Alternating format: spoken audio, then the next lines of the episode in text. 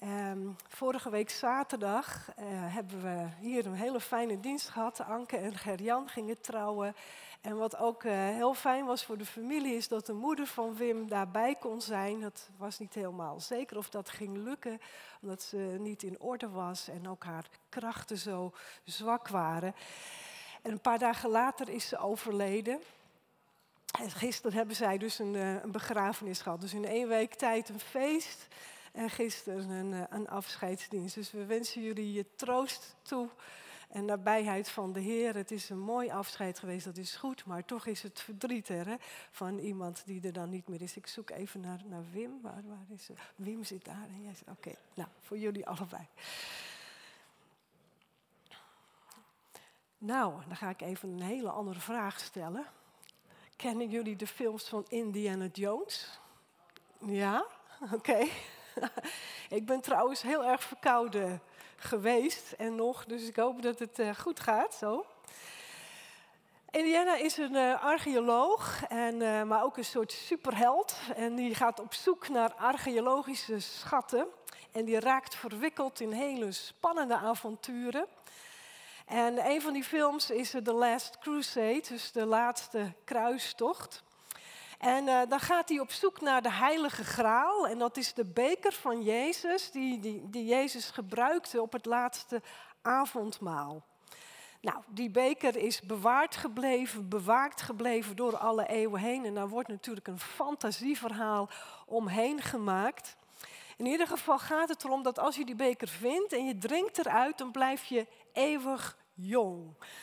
Dus je snapt, behalve Indiana zijn er ook nog een aantal andere gegadigden die uh, zeer uh, graag deze beker willen gaan bemachtigen. Dus na een spectaculair avontuur komt hij dan in die grot waar die beker wordt bewaakt en bewaard. En nu moet er dus uit gedronken worden. Maar wat blijkt? Er staan er meer dan één ik weet niet of jullie dat goed kunnen zien. Er staat een, uh, een hele tafel, een hele uitstalling met allemaal verschillende graals. En de een nog mooier dan de andere. Goud, zilver, diamanten, robijnen. Dus daar staan er een heleboel. En dus nu is de vraag: welke is de beker van Jezus? Kiest hij de verkeerde, dan wordt het hem fataal. En hij moet kiezen, want wat je niet hier kan zien, is dat er ook nog een schurk achter hem staat met een pistool op hem gericht. En uh, Indy is archeoloog, wetenschapper en volgens de schurk moet hij weten welke de juiste beker is. Dus vandaar dat hij hem onder schot houdt en zegt, jij moet voor mij kiezen. En dan wordt er inderdaad een beker gekozen, een van de mooiste die ertussen staat, helemaal van goud met robijnen ingelegd. En die wordt aan die schurk gegeven, zo noem ik hem maar even. En uh, dit, dit is hem. Hij is inderdaad onwetend en gelooft, ja, dit moet hem zijn. Dit is echt zo'n prachtig mooie beker. Nog mooier dan ik mij dat had voorgesteld. Dus dit moet hem zijn. En dus drinkt hij eruit en het wordt een fatale, vreselijk moment in die film. Ik weet niet of je hem gezien hebt, maar. In ieder geval wordt hij razendsnel oud. Dat gebeurt er. En, dan moet Indy alsnog zelf kiezen. Dat moet daar gaan gebeuren. En dan maakt hij zijn afwegingen en dan hoor je hem zeggen: Het moet de beker van een timmerman zijn. En dan tussen al die bekers, die prachtig glimmende glanzende bekers, staat er eentje van gewoon, zeg maar, ja, klei gemaakt.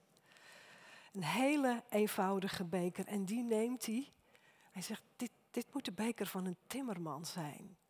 De meest eenvoudige beker die ertussen staat. Geen goud, geen diamanten, niets aantrekkelijks, niets aanzienlijks. Zo zelfs dat hij eigenlijk niet eens opvalt en dat je goed moet zoeken. En jullie raden het al, dat is hem, hè? dat is de juiste. Dus het symboliseert de gezindheid van Christus. Indy, Indiana, maakt een keuze die niet, die niet vanuit hemzelf voortkomt, Niet op grond van wat in zijn ogen de meest mooie en meest waardevolle heilige graal moet zijn, maar hij doet dat op grond van wie Jezus is. En dat moment in die film is mij bijgebleven. En, en dat, dat kwam van de week weer bij me terug. En toen dacht ik, nou, ik weet niet wie die filmmakers waren, maar ergens hebben zij iets goed begrepen. Want dit is echt een hele goede vertolking van waar het over gaat. Van een keuze, hè, want hij moet kiezen, een keuze die wij ook steeds moeten maken in het echte leven met Christus. Wat is in de ogen van God waardevol? Wat is in de ogen van God nou echt belangrijk? En dat is een vraag die de kerk ook door de eeuwen heen heeft bezig gehouden. Een afweging moet gemaakt worden. Wat kiezen we op grond van wie Jezus is? En dat is een afweging en dan een keuze maken die je of op het rechte spoor brengt, achter Jezus aan, of het brengt je op een dwaalspoor weg van Jezus, van het pad af. En Paulus die had hier al meteen mee te maken met deze keuze in de eerste gemeentes die hij stichtte. En vandaar dat we zijn brieven hebben, dat kunnen we daarin lezen. Hij moet echt zo zijn best doen en alles uit de kast halen om de mensen voor te houden. nee, wacht, nee, je ziet het niet goed. Dit is de kern van het evangelie. En Paulus, zelf zo gegrepen door Jezus, zo overtuigd van het evangelie en de uitwerking ervan, die krijgt dan ook zelf nog persoonlijk te maken met de weerstand die het evangelie oproept. Want het roept weerstand op. Het roept gewoon weerstand en verzet op. Niet alleen buiten de kerk, maar misschien nog wel meer binnen de kerk. Omdat het zo haak staat op wat wij zelf willen. Wat in onze ogen belangrijk is, wat in onze ogen waardevol is. Daar druist het continu tegen in. Hoe wij het graag willen zien. En zelfs in de kerk en zelfs ook in ons eigen leven. Als je het uh, gebedsboekje gevolgd hebt van de tien dagen van gebed, hè, wat we afgelopen tien dagen gedaan hebben, gevolgd hebben over de, de tweede brief aan de Corinthiërs, dan heb je dat kunnen lezen over dat verzet en de weerstand waar Paulus mee te maken kreeg. En zijn brieven zijn krachtige, goed geformeerde, hè, geformuleerde volzinnen met wijsheid, kennis, inzicht. En als je dat dan leest, dan krijg je ook onbewust maak je je een voorstelling van wie Paulus is. Ja, krachtige figuur, overtuigend, charisma, iemand die mensen raakt, iemand die mensen aanspreekt, inspirerend en boeiend kan spreken. Ik denk dat ik dat, dat beeld toch wel van hem had. Onbewust gebeurt dat, gewoon door de brieven. We hebben hem ook zo op een voetstuk geplaatst. En wat kun je je dan toch vergissen, zeg?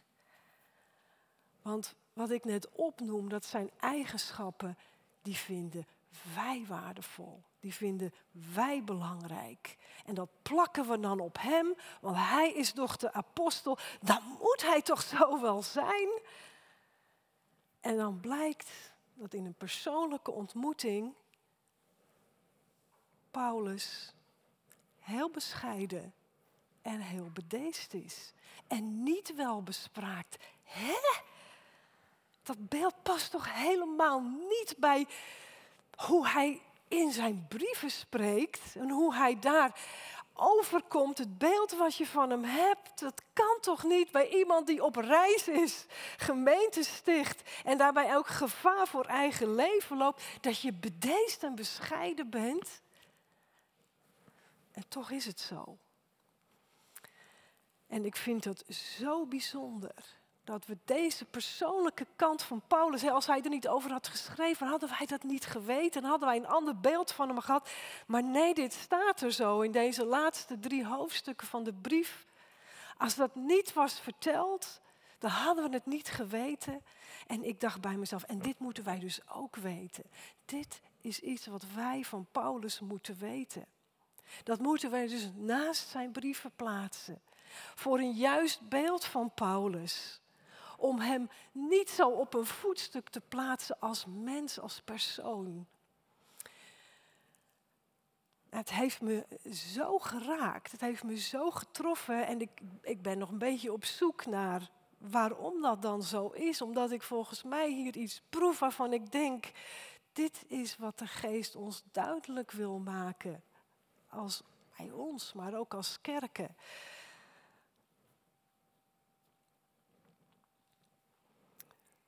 Paulus heeft de gemeente in Korinthe gesticht. En hij is daar ook nog een tweede keer geweest. En dat kunnen we lezen in de brief. Dat is niet een heel erg fijn bezoek geweest. Hij, zegt daarover, het was een verdrietig bezoek. Want het ging over, ja, hij moest moeilijke dingen daar zeggen die niet makkelijk te verteren waren. En hij is nu voornemens een derde keer op bezoek te gaan en schrijft dan deze brief ter voorbereiding. En dan, en dan lees ik die gedeeltes waarin hij dus iets over zichzelf zegt en wat er ook over hem gezegd wordt. Ik, Paulus, die me volgens zeggen zo bedeesd gedraag wanneer ik bij u ben en alleen uit de verte flink doe tegen u. Ik doe een beroep op u in de naam van de zachtmoedigheid en de mildheid van Christus. En dan ga ik even een stukje verder door in de brief. Ik wil niet de indruk wekken u alleen door middel van brieven ontzag te willen inboezemen. Er zijn er namelijk die zeggen, nou in zijn brieven slaat hij weliswaar een gewichtige en imponerende toon aan, maar zijn persoonlijk optreden is zwak en wat hij zegt heeft weinig te betekenen. Je hebt echt gaat dit over Paulus? En dan nog een stukje verder in hoofdstuk 11. Ik denk dat ik in geen enkel opzicht de mindere ben van die geweldige apostelen van u. Ook al ontbreekt het mij aan welsprekendheid, kennis bezit ik genoeg. Dat heb ik u meer dan eens op allerlei manieren bewezen. Nou, ik, ik kan niet op alles ingaan, maar ik zou zeggen, lees het zelf eens. Het is een heel betoog en hij doet dat echt magnifiek. Dus hij werd afgerekend op een eigenschap waarvan hij zelf ook toegeeft dat het niet zijn sterkste punt is. Dus er waren mensen de gemeente binnengekomen die presenteerden zich als apostelen. En die hadden een andere focus dan Paulus en die zetten hem dus in een kwaad daglicht. En dat deden ze door uit te vergroten waar hij van nature dus niet zo goed in was. Hij kan wel stoer en flink schrijven, maar nou, als je hem persoonlijk ontmoet, nou, dan valt het je toch bitter tegen. Maakt geen indruk. Zwak en timide. En dat was nog niet alles. Hij had de gemeente aangemoedigd om geld bijeen te brengen voor een collecte die hij naar Jeruzalem wilde gaan brengen. En in zijn tijd dat hij daar was, had hij van hen niets gevraagd voor zijn onderhoud. En dat deden de apostelen wel. Hè. Die hadden de gemeente gevraagd om hen te helpen in hun onderhoud. En dat had Paulus niet gedaan. En juist daarmee wordt hij in discrediet gebracht. Want dat zou dan wel betekenen dat hij die collecte uiteindelijk voor zichzelf gaat houden. En verder kunnen we er ook uit opmaken, wat Paulus nog meer zegt, dat deze schijnapostelen zichzelf aanprezen op grond van afkomst en prestaties.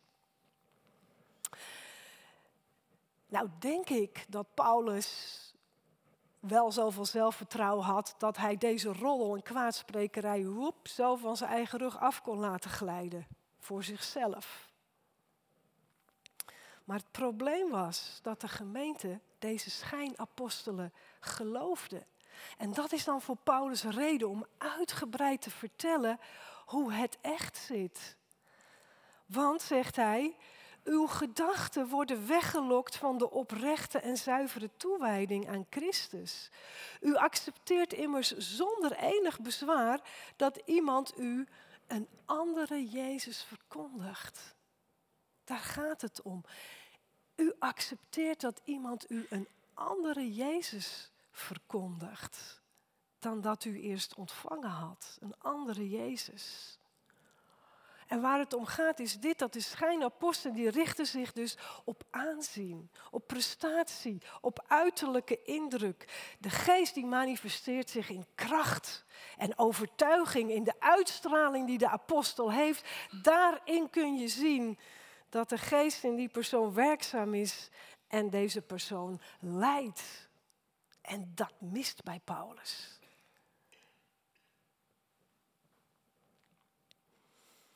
En Paulus zegt daarover, falikant, foute boel. Falikant, foute boel. Want dit is het niet wie Jezus is. En dit is niet het werk van zijn geest. Dit is een dwaalspoor. Als we dan nog even teruggaan naar dat, dat eerste vers.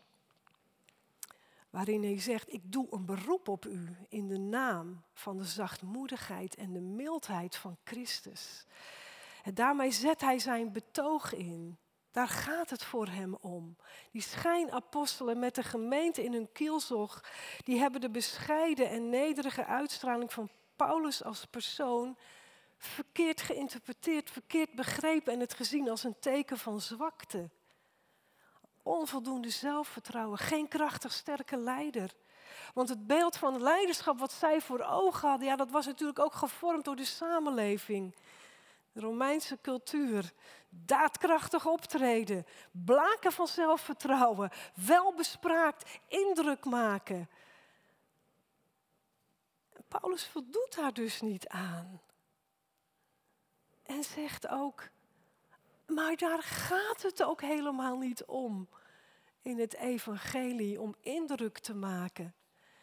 En daar wil Paulus de gemeente de ogen voor openen. Als je de kern van het evangelie niet begrijpt, dan, dan gaat het mis.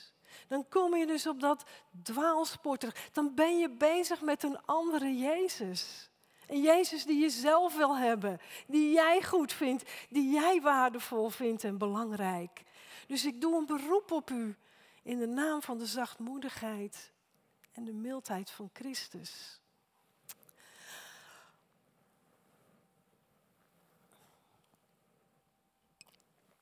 Nou zie je, dit, dit raakt me gewoon. Dit raakt me zo enorm. Want dit zijn nou karaktereigenschappen die voor een leider overkomen als zwak en slap. Eigenschappen die in je nadeel werken. Die opponenten in de kaart spelen om je positie te verzwakken. Precies wat Paulus overkwam. Maar het is wel de weg die God koos voor zijn zoon Jezus. Ja, ik, ik word hier echt, het raakt me echt tot het diepst in mijn hart. Jezus die God tot Heer en hoofd, de leider over alles en iedereen, in de hemel en aarde zou aanstellen. Jezus geboren in eenvoud, niets groots en aanzienlijks. Jezus opgegroeid in Nazareth, niets groots en aanzienlijk. Jezus die zich verbindt met de kwetsbaren, de zondaren, de uitgestotenen, niets groots en onaanzienlijk. Jezus die zijn leerlingen zoekt onder gewone mensen die niet werden opgeleid als schriftgeleerden, niets groots en aanzienlijk. Jezus die als koning op een ezel de stad Jeruzalem binnenrijdt, niets groots en aanzienlijk. Jezus die de ondervraging zwijgzaam verdraagt, niets groots en aanzienlijk. Jezus die zich gewillig aan het kruis laat kruisigen, niets groots en aanzienlijk. Zachtmoedigheid, en mildheid, nederigheid en eenvoud. De kern van het evangelie. En deze weg kiest Jezus omdat het de weg van God is.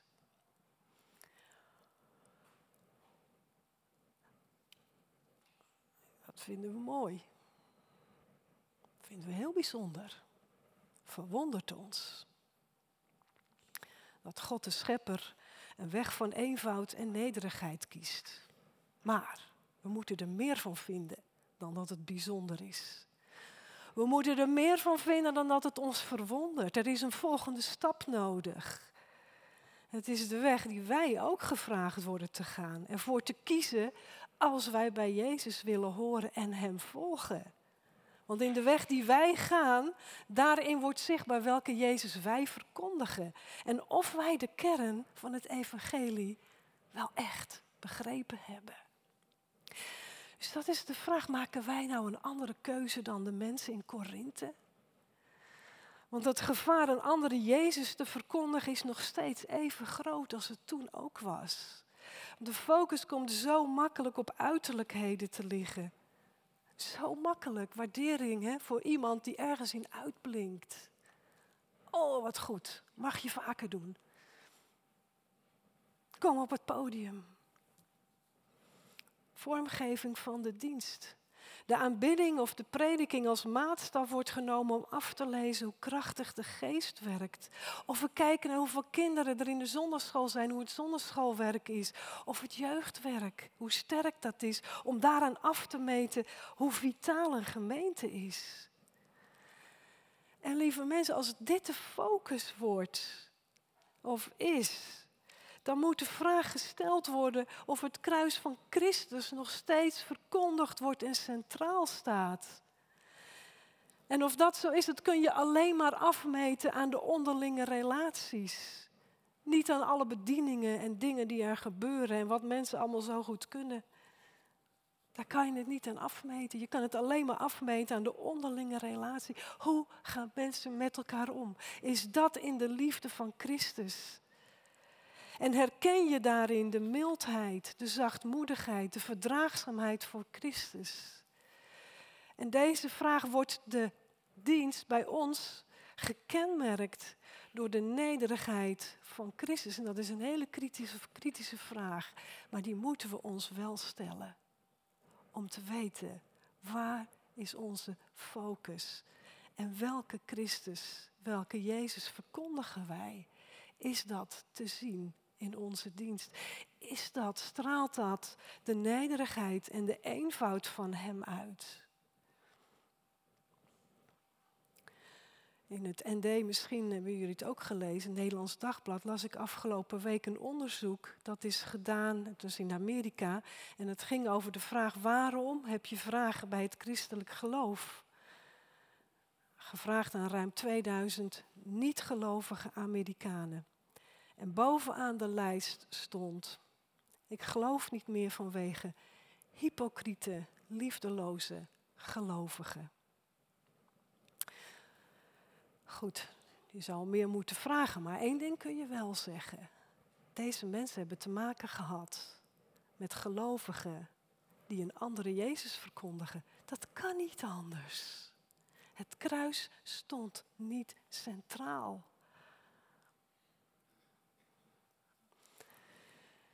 Vieren vandaag Pinksteren, uitstorting van de geest. En misschien denk je tot nog toe, en wat heeft dit nu met het Pinksterfeest en met de geest te maken?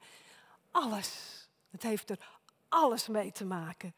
Want de geest zet het werk van Christus voort. De redding die hij bracht. Het beeld van de gehoorzaamheid aan God dat hij liet zien dat hij uitleefde in alles wat hij deed en zei.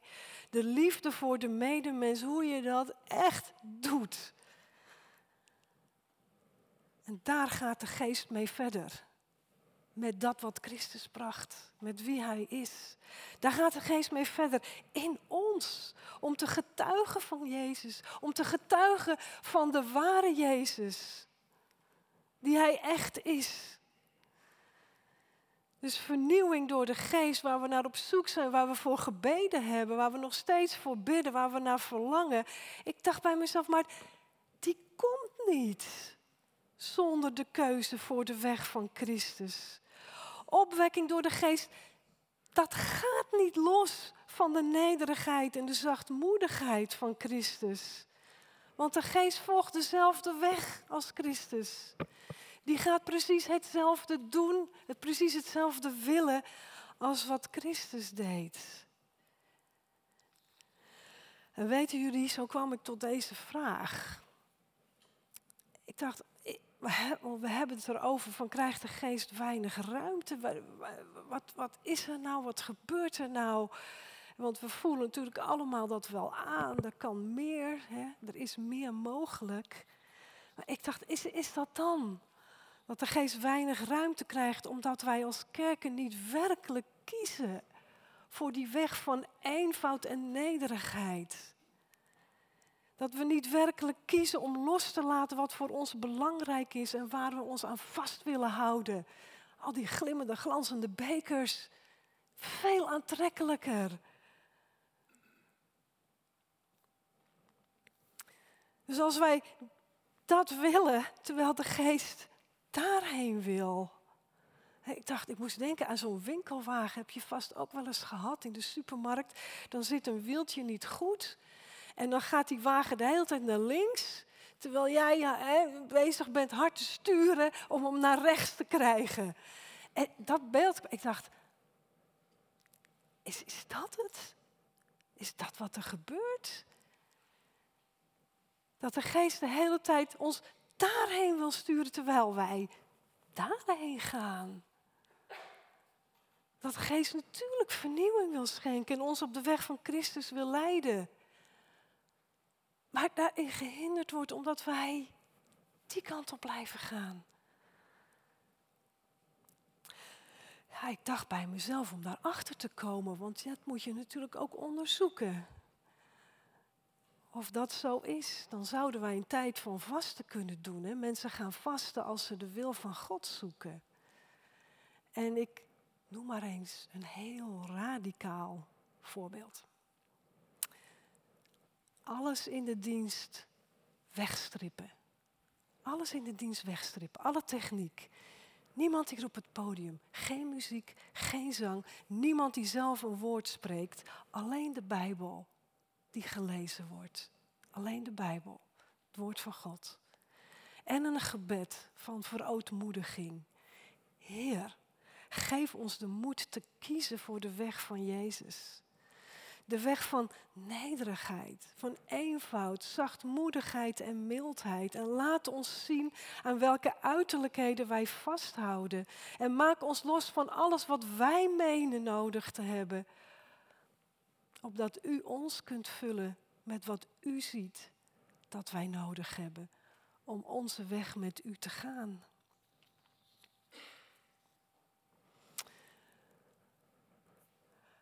Ja, ik weet niet of dit de boodschap is die je op Pinksterzondag verwacht. Over de Heilige Geest. Ik dacht gisteravond ook, ik dacht, nou, oh Heer, is dit nou... Ik weet niet of de gemeente wel blij is met een boodschap als dit op Pinksterzondag. Moet ik dit wel doen? Ik heb zelfs nog overwogen om een preek van een aantal jaren terug te nemen die ik heb gehouden Pinksterzondag. Maar lieve mensen, dit is op mijn hart gekomen en ik moet het zeggen. Ik moet het zeggen. En ik dacht bij mezelf, het maakt niet uit welke voorstelling en verwachting ieder van ons heeft van het werk van de Heilige Geest, want het doel van de Heilige Geest is voor ons allemaal hetzelfde. Dat de gezindheid van Christus in ons gestalte krijgt en dat het beeld van Christus in ons hersteld wordt. Zijn zachtmoedigheid, mildheid, verdraagzaamheid, nederigheid in ons. Eigenschappen die onze samenleving dringend, dringend, dringend nodig heeft. En dat de geest dit in ons wil bewerken. Deze eigenschappen van Christus. Dat is toch het mooiste, het grootste, het wonderlijkste, het meest vervullende geschenk wat een mens kan ontvangen. Dat God ons wil maken zoals Jezus, nu al. En eens zal het volmaakt zijn, voltooid zijn. Wij hoeven het niet zelf te doen. De geest gaat het in ons doen.